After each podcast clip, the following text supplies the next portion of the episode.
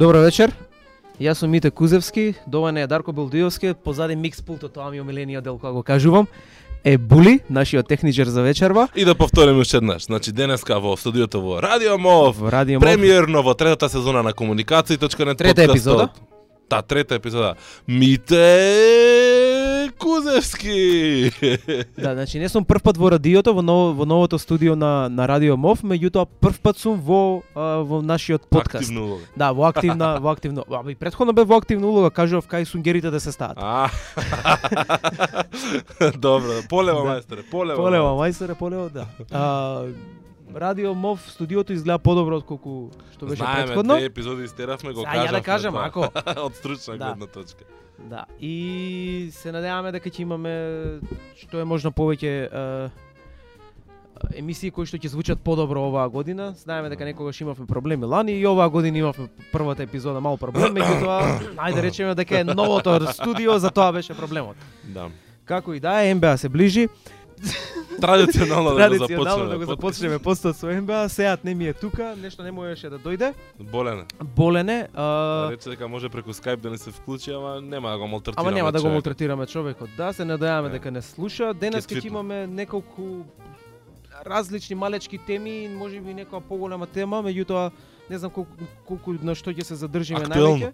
Да, ќе биде нешто актуелно, ќе да. се занимаваме. А, едно од темите кои што ќе може би малце по поопширно ќе ќе ќе подискутираме е, новиот закон за клевета кој што нели предизвика голема реакција Да. кај доста организации, доста од индивидуалци. А, слободен софтвер, метаморфозис од организациите кои што се нај најактивни а, во однос на новиот закон за клевета кој што вели дека а, односно оној он, организациите кои што и индивидуалците имаат приметба дека тоа може би да биде начин за една огромна цензура која што може да се случи од особено автоцензура на Да. на на на, на интернет просторот во во Македонија. Па добро, веќе работите се придвижуваат, значи се случи во вторникот тој blackout или затемнување на дел од македонските интернет а, портали, адреси, блогови и слично.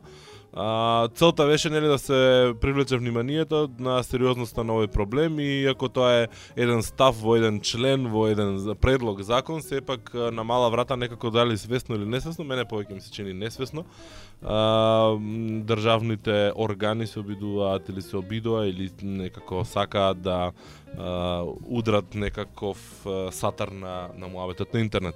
Uh, имаше многу изјави, многу медиуми ги покриваа на станиве, она што е интересно е дека се уште не е доден на второто разгледување, колку што ја знам, овој предлог закон во собранието. Тука негде се крчка приказката, меѓутоа во меѓувреме изреагира двата најголеми интернет провайдери во Македонија и One и, и Телеком, особено Телеком со писмено со писмено соопштение уште првите денови се се јави и се произнесе дека не е прифатливо да се товарат интернет провайдерите со некои такви закони и обврски кои што тотално не немаат врска со нивната дејност. Така да тоа е окей, ми се чини дека и некој од владините, од владина страна, министерот за правда рече да, да, не е проблем, ние ќе ги слушаме дан дрн, ќе ревидираме закони и така натаму.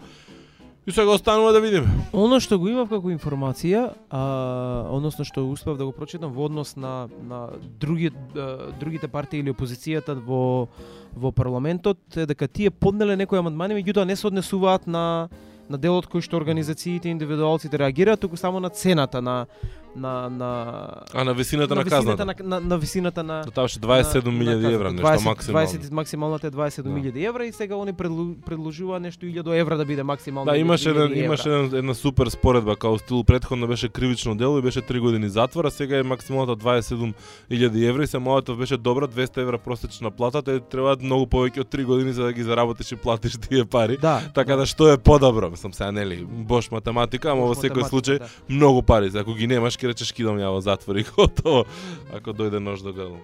А, и јас би сакал малце да се вратам тоа ова лето, у август мислам дека се случи, тоа беше првата пресуда а, од страна на да. Велешкиот суд за која што беше а, за клевета или навреда на а, споделена на, на социјалните мрежи, односно беше на, на, на Facebook а, зидот на профилот на, на одреден корисник.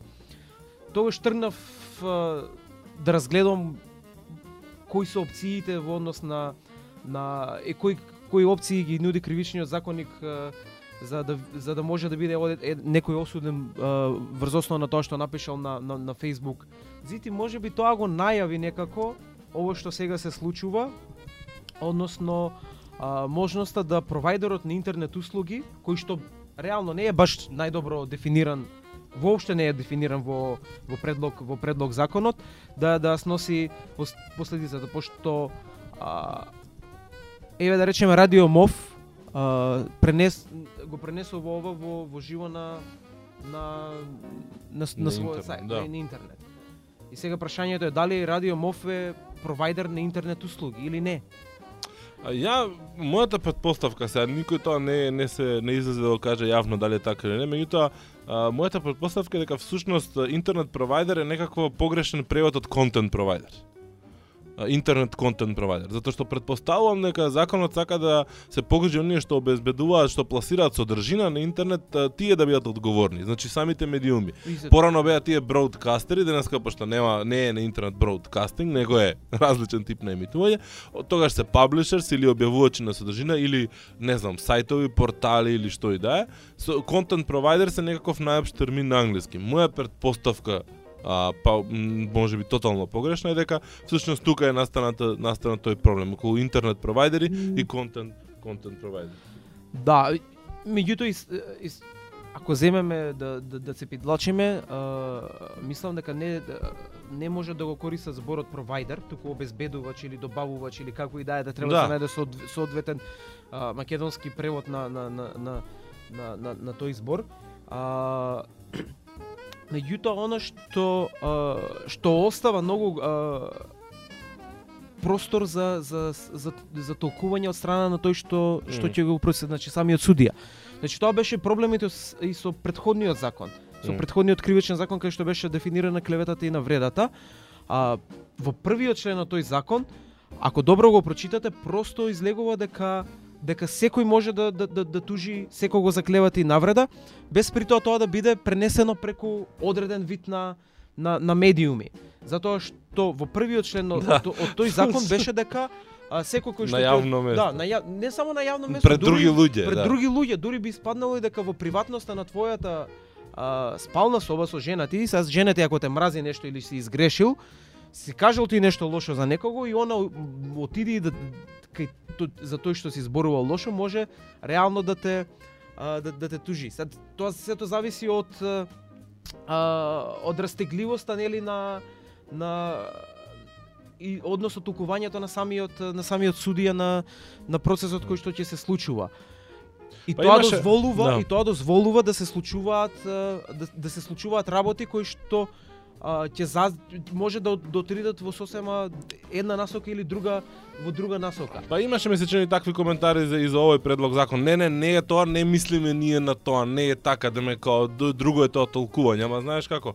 Мислам да оставиш ти на случајност да им веруваш да да нема они така да го толкуваат, е, мислам челобајзерски во суштина, сам не можеш да се потпреш ти на тоа. Затоа што Жими мајка, ние не Да, мислевме Затоа што така. првиот аргумент мене што ми падна на на на ум кога беше случајот со Facebook во во Велес беше Да. беше дека зошто зошто не би се бранел на на ситуацијата дека тоа е Facebook, тоа е мојата онлайн а, односно интернет заедница, интернет друштво и тоа е истото тоа е друштво кое што јас се дружам Во кафан. во кафана.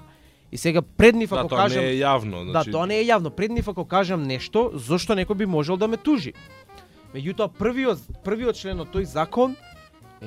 Одеше во насока дека ако ако судијата го протолкува на, на начин дека секој секоја кажана секој из- изречен збор кој што би можел да до, допре до ушите на, за тој што е изречен, може да, да, да, да, да те тужи.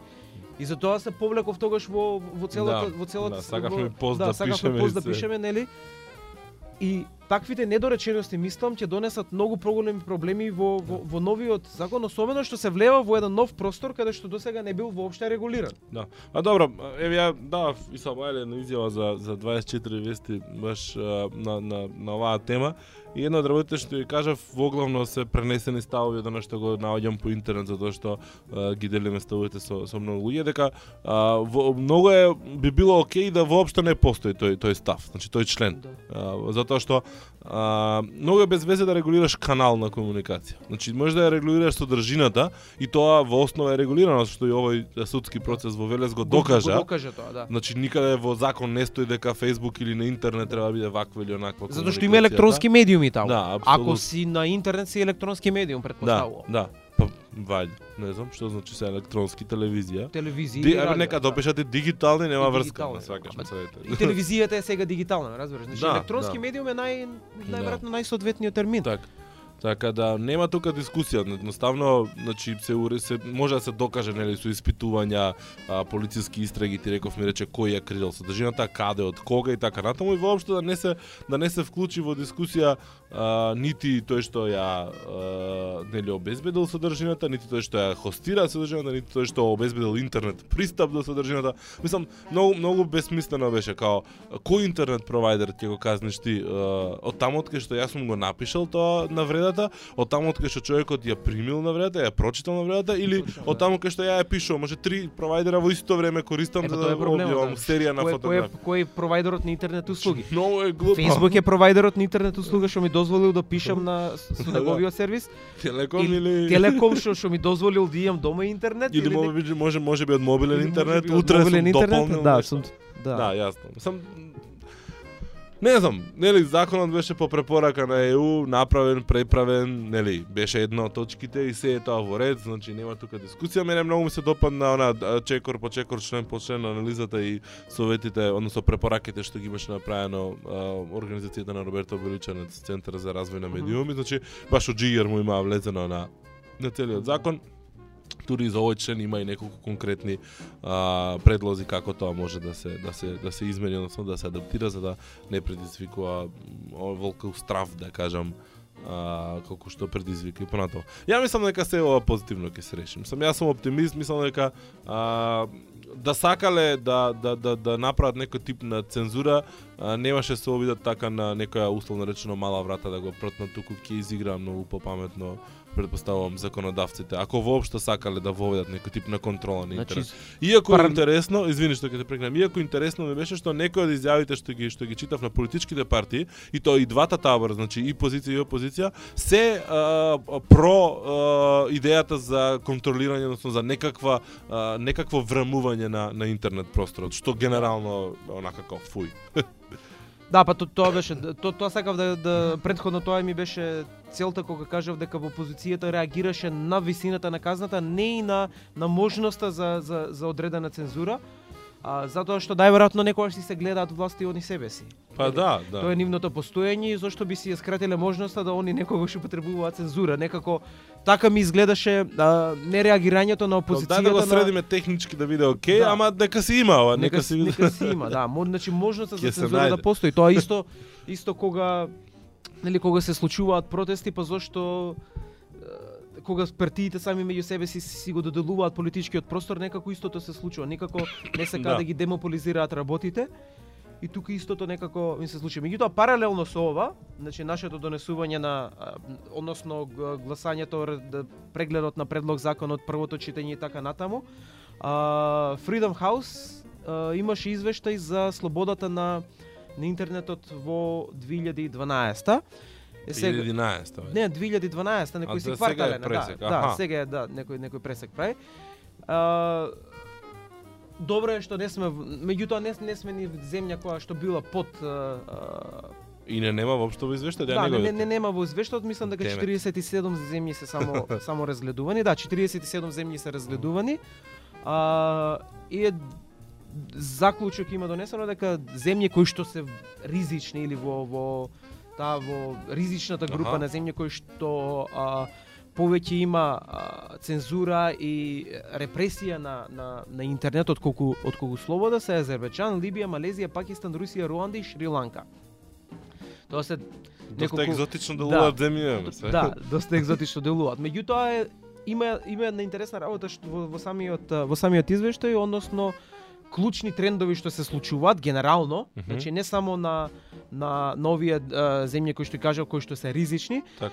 а, е што се донесуваат закони кои што а, генерално делуваат, односно а, го огранич, ја ограничува слободата на говор. Па велат дека во 19 од 40 земји кои што биле под а, истражување, а, донеле нови закони или директиви кои што биле а, а, кои што биле изгласени во 2011 кои што на одреден начин ја ограничуваат а, слободата на онлайн а, говорот, односно на интернет, а, ги повредуваат Човекот- приватните аха, права, приватни, аха. значи Правата на приватност, да, да. правата на приватност и во одредени случаеви ги а, ги казнуваат индивидуалците кои што создале а, создале одреден а, одредена содржина која што според нив била необјективна или непожелна. Ај, мајко. Да. А, значи тоа е еден од тренд, тоа е еден првиот тренд кој што се кој што се случува. Сега има втор тренд кој што вика дека а, е зголемено а, уопсувањето а, по одреден говор на, на, на или одредено Мгм. пишување на веб на, на, на блогери и на обични корисници. Интересно, Кина не ја спомна у листите, дека? Па добро, Кина е загрозена. Во односно во ред зон спаја, во црвената Аха, зона. Добро, Значи овие се земји кои што имале влошување аха, и сега влегуваат во црвена во- зона. да, Добро. добро. одат во, во, во, во влушување, односно да, да станат најверојатно Кина. а, значи, се има зголемено а, процентот на блогери и обични корисници кои што биле уапсени поради одредена а, одреден говор на интернет. Значи веќе немаме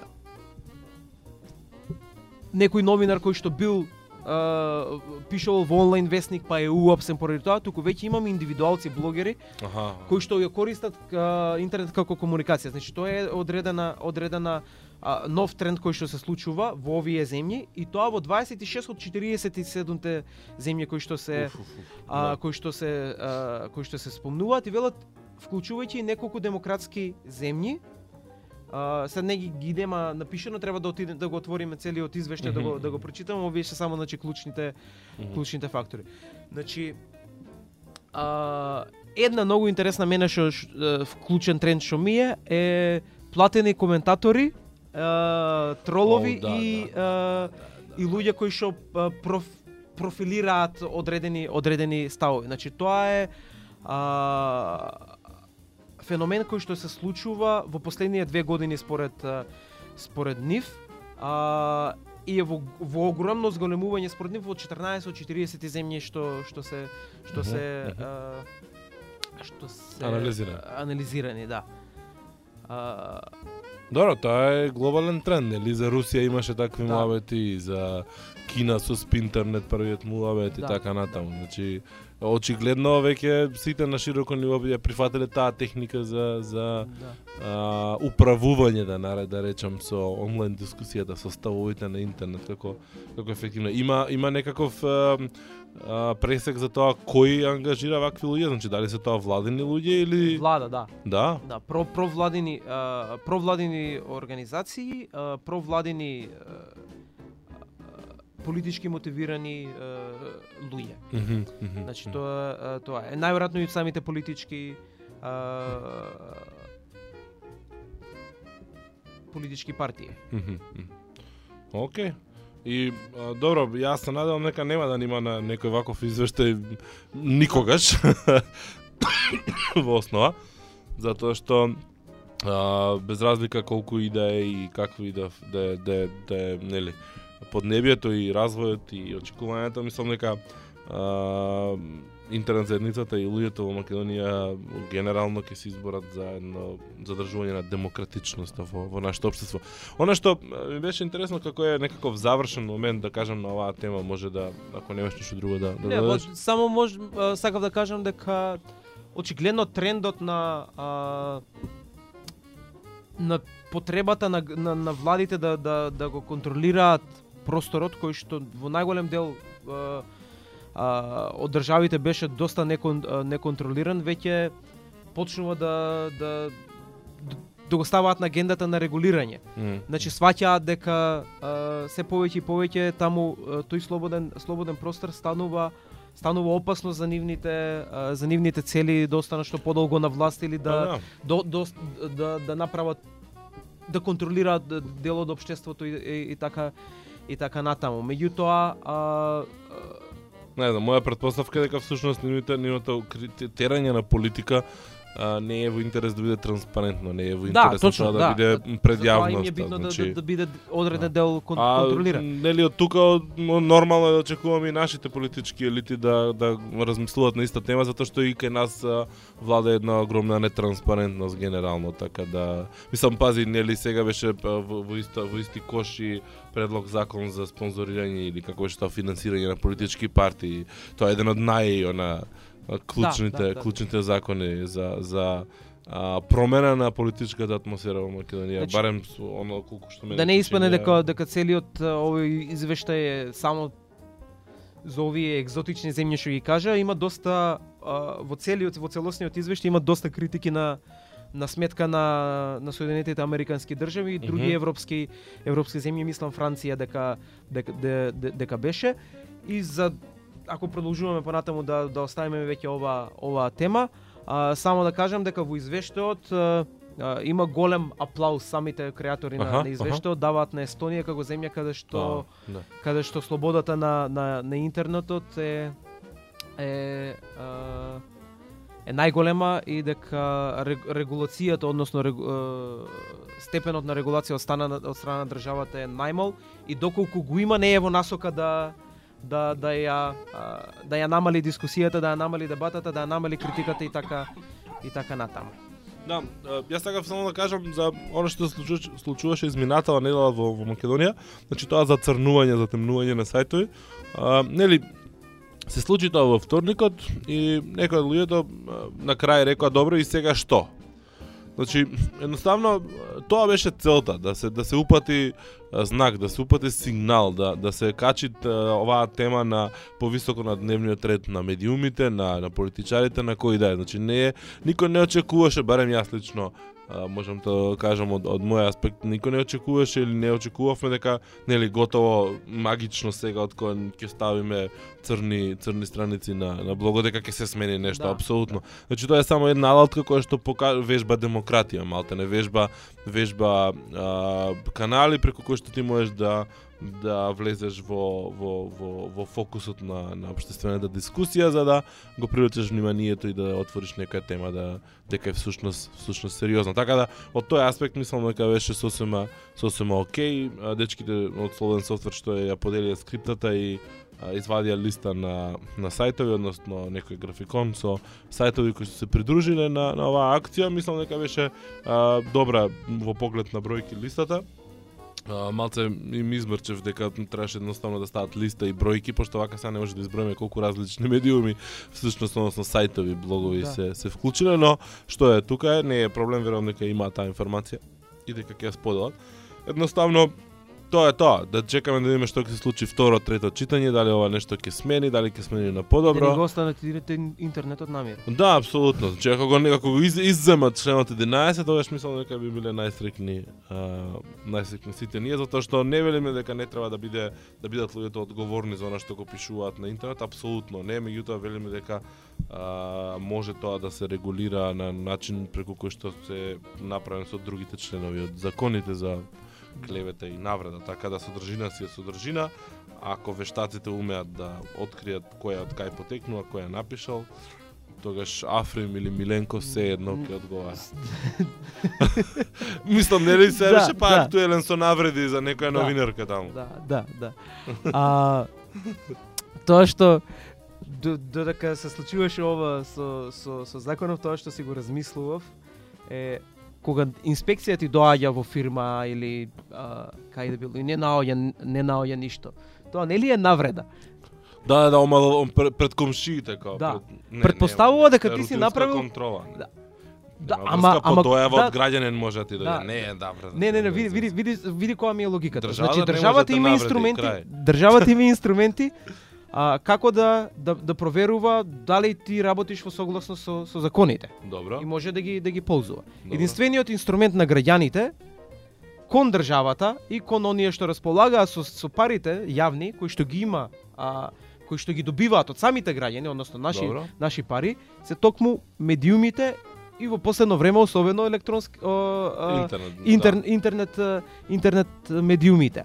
Да. Мгм. Ако ни одземат можноста да изразиме сомнеш на интернет медиумите за тоа што они го го работат, тогаш би требало да има закон ако они ништо не наредат кај мене дома дека односно во фирма дека нешто не е регуларно, дека ја имам право да ги тужам нив за за навреда. Затоа што ми дошли и ми влегли им со предпоставка дека дека дека има нешто не- нерегуларно и ја ќе го работам. Сега викам Миленко не, не ја навредило, туку сакал да ја облюбуе. Дотичната новинарка. А, А, тоа со МПЦ тогаш нека го реши. Да, да, да, да, да. да. Добра, окей, ја завршуваме темава. Да, ја завршуваме 20, тема. 20, сум доста. Мислам Доста. дека дури не ни планиравме толку многу да Да. да ја посветиме време од проста причина што веруваме дека допро ќе се случуваат некои работи позитивни на на тема. А, огласување на Твитер. Може? Може, може. Ајде, 3 4. А, Ништо пробав, видов, не успеав да се регистрирам, пошто имаше тамо некоја си а, листа на, на земји која беше само не листа туку на, на држави кои што Не, сега можеш само да побараш, значи по да побараш да без да ти дадат пристап, се уште еден по еден им даваат пристап на оние што што Не, па побарале. тоа, тоа, тоа пробав да, го Да. направам, меѓутоа очигледно Да. треба да ставиш американска а, Значи, нашата информација доаѓа од нашиот драг пријател Енијак, Невеше Радовиќ, кој што моментално е на учење кроз печалба во Силиконската долина во Сан Франциско, кој што добил пристап до панелот, односно платформата за огласување на Твитер и несебично сподели скриншотови податоци и детали околу, околу тоа.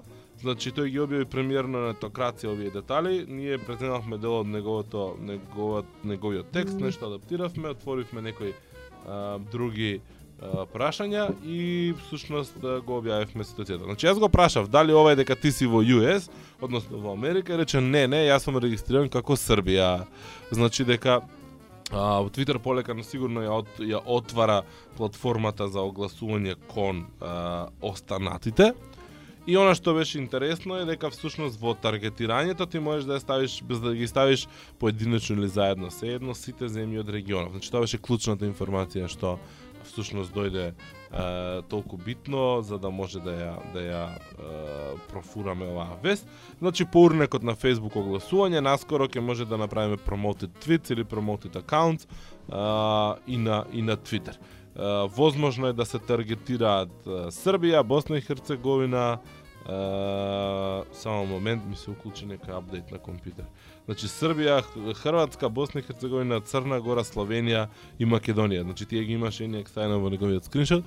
Е сега за жал вели не можам да нема Твитер се уште не дава никакви податоци за овие земји. Значи не знам број на број на луѓе кои што пристапуваат активни или како и да е веќе. Е, Предпоставувам дека ќе има такво нешто ако се оди по примерот на тоа што го прави Facebook дека нели кога ќе таргетираш не, некој некој регион или некоја а, некој клучен збор ќе добиеш некакви да знаеш колку а, да таргет публика значи да знаеш колку имаш колку потенцијален досег да. да, досега. Така да очекуваме да видиме што ќе се случи на оваа тема. Отворивме неколку прашања во смисол дали ќе се преледе од Facebook на Twitter, дали ќе им стане поинтересен на брендовите Twitter сега, затоа што нели ќе имаат и како да се промовираат, ќе имаат и како да билдаат фанови и база и све, па да им раскажуваат басми и тука, значи да очекуваат дека еднонасочно ќе им е, кажуваат нешто и она што е многу важно, всушност да добиеме бројка некаква. Значи, мислам дека на на страна дали некој ќе се огласува или не,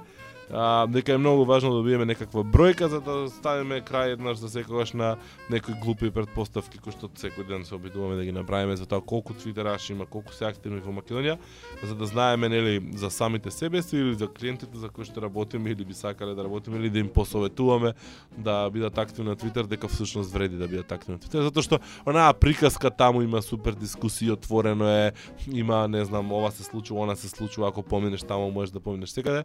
Очигледно не е доволно за да убедиш луѓе различни да да пристапат таму. Иако паралела, значи ако се земе дека најголемите ултра звезди во Македонија, односно политичарите веќе се на Твитер одамна, а одскоро и на Инстаграм, тогаш значи Твитер е веќе И кој е политичар на Инстаграм? Двете партии се на Инстаграм и СДСМ и ВМРО.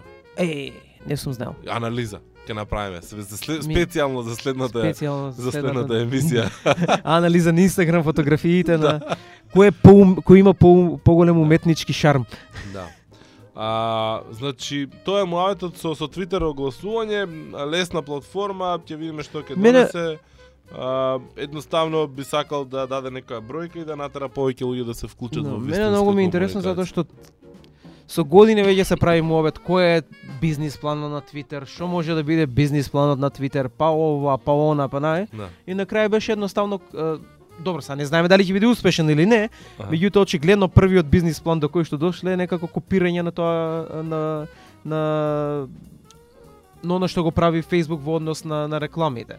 За бизнес модел мислиш ти на да, на да, на, на, Аха, да, да. Не бизнес план, него Си бизнес извинувам, модел. да, бизнис модел. Па добро, пази, Твитер се повеќе и повеќе наликува на Facebook. Значи излезе пред некоја недела, ако не беше изминатава информација дека Инстаграм има повеќе корисници на мобилен телефон, односно има повеќе корисници пошто сите му се на мобилен телефон, Да. од то отколку што има Твитер на мобилен телефон. Значи се сеќаваш на почеток кога почнавме Твитер да зборуваме за Твитер пред некои 3-4 години, дека 75% од луѓето пристапуваат преку мобилен телефон во вода. Значи сето тоа паѓа во вода денеска во Америка барем, што нели е предвестник за останатиот дел од светов, барем во овој поглед. А, по, многу по се помалку и помалку луѓе пристапуваат на Твитер од мобилен телефон, се повеќе и повеќе користат што е најжалосно twitter.com. Најжалосно од моја гледна точка, од наша гледна точка како корисници, Да. А, меѓутоа Твитер Твитер на многу а, а, Ами самата многу стратегија е некако, серио, да, многу многу труд вложи во тоа да ја преработи платформата, да да да направи многу такви ризични потези во смисол на да ги откачи сите т- т- соработници од надвор, сите клиенти кои што се закачуваат на нив кои што правеа пари или не правеа пари се едно и да фрли све на една карта да стане што е можно повеќе Facebook. Мислам ставија кавер фото да имаш на твојот Twitter профил. Да. Ме свагаш, мислам со некоја резолуција од 500 и кусур на 300 и кусур, ама кога треба да ја качиш фотка ти дава ти бара 1200 на 600, ме свагаш, за секој случај да си имаат голема, пошто може би имаш ти поголема резолуција или ќе им притреба понатаму поголема. Немам појма Не, точно. значи, Така да- сите чекори што ги правеа, со купувањето на TweetDeck, со, Да, а, со промената на, на апито,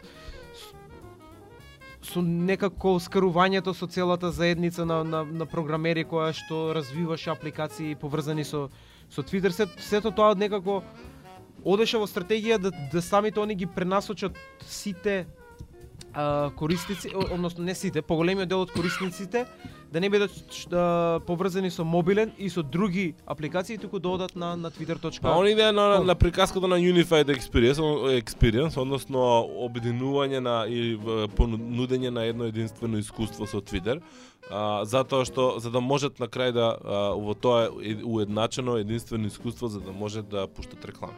Значи, они немаа платформа, нема нема начин како да пуштат на сите овие клиенти реклами, нема начин како да ги врзат сите тие да го да го прават тоа Да. така и нема начин како соодветно да ги вгнездат внатре.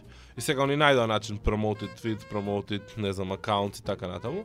Верувам дека ги треба да бараат уште начини, затоа што ова некако не ми е доволно, почнаа со тагови нели да прават брендирани страници специјални за NASCAR и така натаму.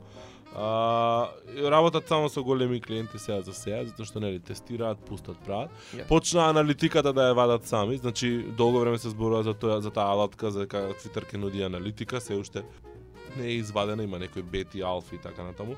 Значи и тука тука каскаат позади. И сега тоа се некои логични работи кои што во основа ако сакаш да заработуваш мора да ги имаш кај себе за да ти веруваат луѓето за да ти остават пари. Значи не може да верува на некој таму трет, четврти или да плаќа на трето место за аналитика, а тебе ти дава пари за да да За да- заработува за да се рекламираш и така натаму. А, и сега, значи, нели, известно беше дека Твитер ќе мора да го направи, да најде некој начин да заработува, пошто притисокот беше огромен.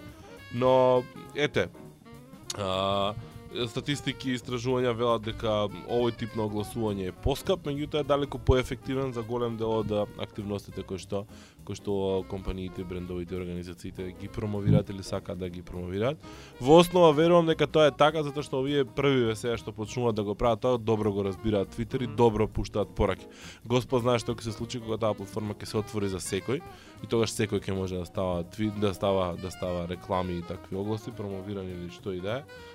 Така да м, сваќаш. Ќе видиме тогаш дали ќе бидат еднакво ефективни промотив промовираните твитови или не. Uh, предпоставувам дека нема да бидат толку многу, ама соодветно на тоа веројатно дека ќе им падне и цената а, по клик или импресија или конверзија или што и да веќе ќе се ќе се мери. А, во секој случај интересно да видиме што ќе се случува понатаму, едноставно беше кул да се да се п- пуштува како како онака жешка информација затоа што а, имам чувство дека онака добива полека на сигурно на сила и во Македонија таа Твитер заедница, односно таа таа овој сервис на на сила во смисол на тоа на почит на тоа дека веќе не може баш така лесно да се каже па добро и да не си таму оке, као можеш да поминеш. Значи не викам дека секој индивидуалец нормално може и треба да го користи, апсолутно не, не ни очекувам, не не не е ни тоа муаватот, него едноставно зборуваме за организации, компании, политички актери, брендови кои што веќе би требало да бидат загрижени ако ги нема, ако ги нема таму. Тоа е А од друга страна, а од друга страна, што би можело да биде позитивно за Твитер, а тоа е дека Facebook станува све по-покварен и по-покварен. Во смисол дека а, веќе има на големо дискусии по интернет, мада некако ми се воздржани сите, иако сите овие големи сајти што го садат Facebook го напишаа тоа. А, Facebook го смени алгоритмот за прикажување на сториите од page, од pages, значи од брендови на а, дзидовите на фановите и за голем број на страници како што на глобално ниво се жалат, импресиите се не преполовени, него се три пати помали. Што не кажува ништо друго освен моментот платете. Тоа веќе го прави Го прави Неко- долго да, време, долго време, ама да. ова е онака, по, некако значи, постепено, е, постепено, постепено со сите промени на на на структурата на да. на на на страниците на за за за бизниси Апсолутно, апсолутно. го го правеа тоа. Да, меѓутоа, значи дури сега и имаш она содржина која што провокативна, која што луѓето кликаат лајкови, која што коментираат, не ти гарантира дека ќе, го имаш бројот на импресиите а, на Да. тоа. Значи, едноставно, не знам, со, со изброј на engagement или со, со иста активност, а, по светов и локално веќе се приметуваат тие работи, иако се станува збор за сепак за помали бројки, па не може толку многу нели убаво да се да се Мгм. донесе констатација или да се тврди нешто со сигурност, меѓутоа се осеќа, се осеќа дека а, многу помалци импресии се добиваат и многу помалце интеракција. Нормално ќе си платиш некој доларче и оп, едноставно магично ќе се променат работите во поглед на на импресии. Ама како и да е, мислам дека а, ова само може да му помогне на Twitter и он и да му помогне на малку можеби од Google Plus кој што можеби ќе биде попаметен во овој поглед и можеби ќе искористи некои моменти и ќе успее да ги натера брендовите, барем на ние пазари каде што Google Plus има малце по саглам а, а, пенетрација, да кажам, број на корисници, а, дек, да се префелат таму и да почнат посериозно да се занимаваат со тие медиуми. Да. И иако доста хенгаут гледам дека веќе се повеќе и почесто се промовира, се користат Да. луѓе, значи хенгаут веќе со интеграцијата на YouTube, со тоа со качувањето на со лайв стрим всушност дека преку YouTube можеш преку хенгаут да правиш многу веќе и брендови, и политичари и куп луѓе почнуваат да ги употребуваат затоа што всушност на мала врата YouTube отвори стриминг платформа и тоа социјална стриминг платформа која што не еден, току повеќе луѓе може да да се стримаат од еднаш на еден канал, што во секој случај а, Да. е за почит, значи нешто што технички не верувам дека уште многу долго време Па токму Facebook и нема може да го да, понуди. ова извештав сега што го што претходно што го зборувавме за аха. за слободата на интернет. А, еден од излагачите беше вклучен преку Google Hangout да Да. да да излага. Добро, сад тоа најверојатно поради тоа што а, пресконференцијата за самот за самот за самот беше извеште беше Google. беше да. И Во во просторите соработка со Google. Во соработка Да, со да. Google и Freedom House, меѓутоа како и да е, а, тоа е точно дека се повеќе и повеќе се користи Google Hangout и можеби на некој начин, не знам, иако јас се уште Google Plus не, мо, не, не можам да му ја видам.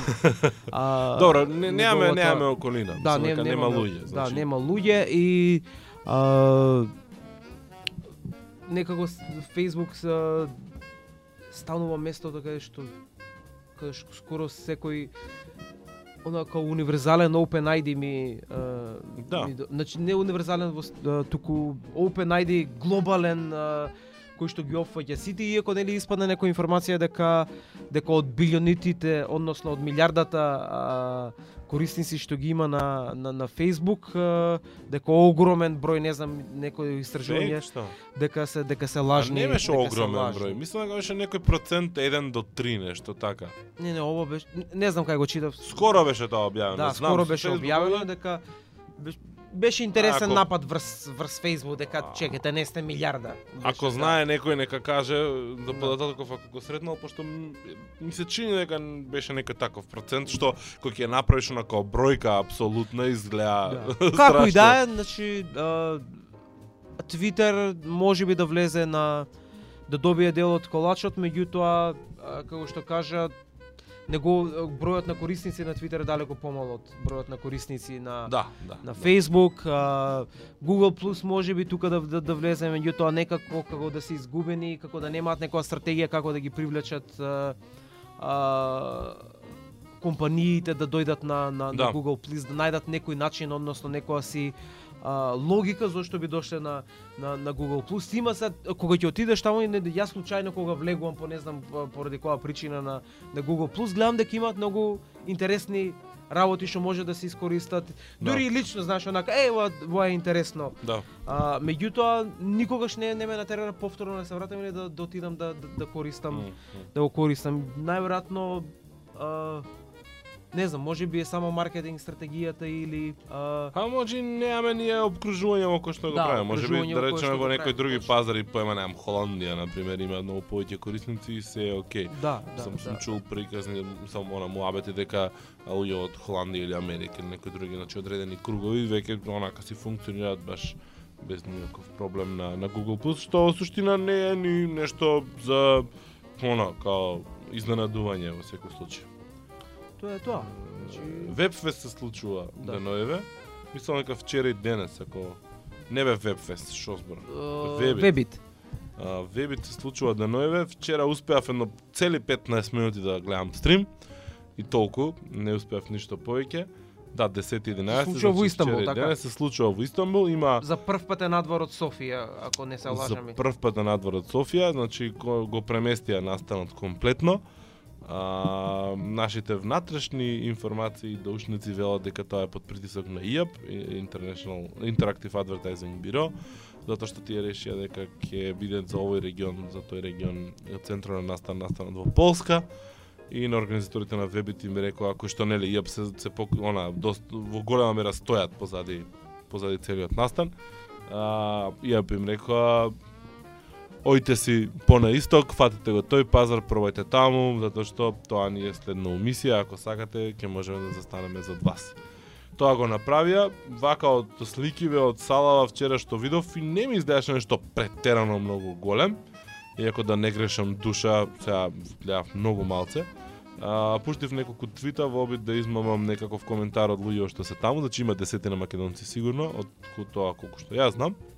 А, коментарот на, на Оливер беше а, на кратко, па ништо посебно, само една една презентација која што вредела вчера, значи е ништо посебно, само дечкото од Ал Джазира беше интересен за слушање и на другата се, и на друга сесија презентација за Digital Kid Webit МК.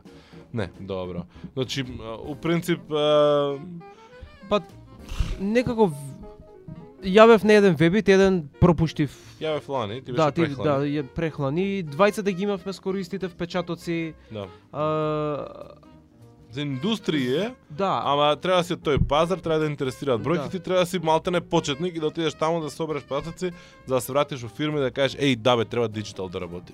Да, нема нема нешто и најверојатно е а, добар а, добар настан каде што ако а, имаш некоја си идеја или ако веќе работиш долго време, можеш да најдеш партнер за Да. за за, да. за соработка, Да, значи нетворкинг. Да, добар е за вмрежување. Јас до, кога бев прехлани таму, а, видов а, а, не знам резултати дали испаднаа, меѓутоа видов како луѓе на самиот на, на самиот настан веќе договара а, што и како ќе ќе работи, значи веќе Да, да, супер. вродија со на, на самиот на самиот настан вродија со плод со, за некој заеднички производ М, а, м, производ а, Да.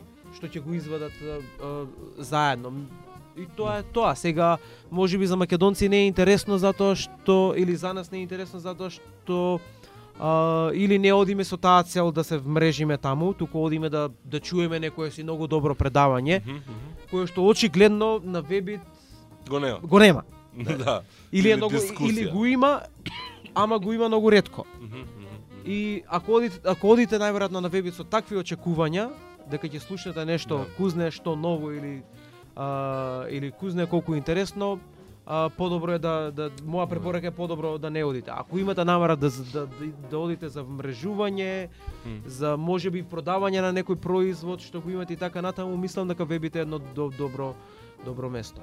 А, вчера, денеска, конечно, а, нашата пријателка Петра, која што испративме да оди во Будва на Вебфест, затоа што ние не бевме во, во можност да одиме, е, напиша текст еден така пообемен на комуникација нет за тоа како си поминала таму и како поминала овој настан. И незината забелешка беше, односно коментар беше ист во смисол на тоа дека а, презентациите биле прилично базични, меѓутоа веднаш после тоа дискусиите, интеракцијата на сцена и публи и со публиката, значи нивото на дискусија била тотално на друго ниво и била сука одлична. Значи се гледало дека дошла луѓе што што знаат, нели, блогери, интернет маркетинг, луѓе дизајнери, програмери, студенти. Е, видели, секоја секоја презентација беше интересна и различна, а сепак секоја носеше иста порака. Е, истата порака е нешто што можеби јас не знам, јас сакам да завршам емисија со со ова, пошто мене многу ми се допадна. Може, ајде. Затоа што истата порака вели, ако не плаќате за производот, тогаш вие сте самиот производ. И на слика еден скриншот од некоја презентација, немам појма чија е, значи целата оваа фраза а, на англиски вели вака If you are not paying for something, you are not the customer. You are the product being sold. Така да а, ви благодариме што не слушавте и посакуваме да не слушате а, кога ќе можете повторно, значи комуникација.нет, сите епизоди ги качуваме на блогот, може да ги најдете таму и се слушаме за 7 дена. Премиерно на Радио МОВ, а кога сакате вие може да не слушате на интернет. Да. А? На нерегулирани од се Ти уште. тука си сега, може да, да сметаме на тебе како регулар хост. Да. А, така. Да. Немам ништо. Добро, за патување. следните емисии најавуваме гости и најава на некои многу убави нови работи. Некаде ноември се крчкаат неколку убави работи, ама ете нека остане само како волку кратка најава. Pozdrav!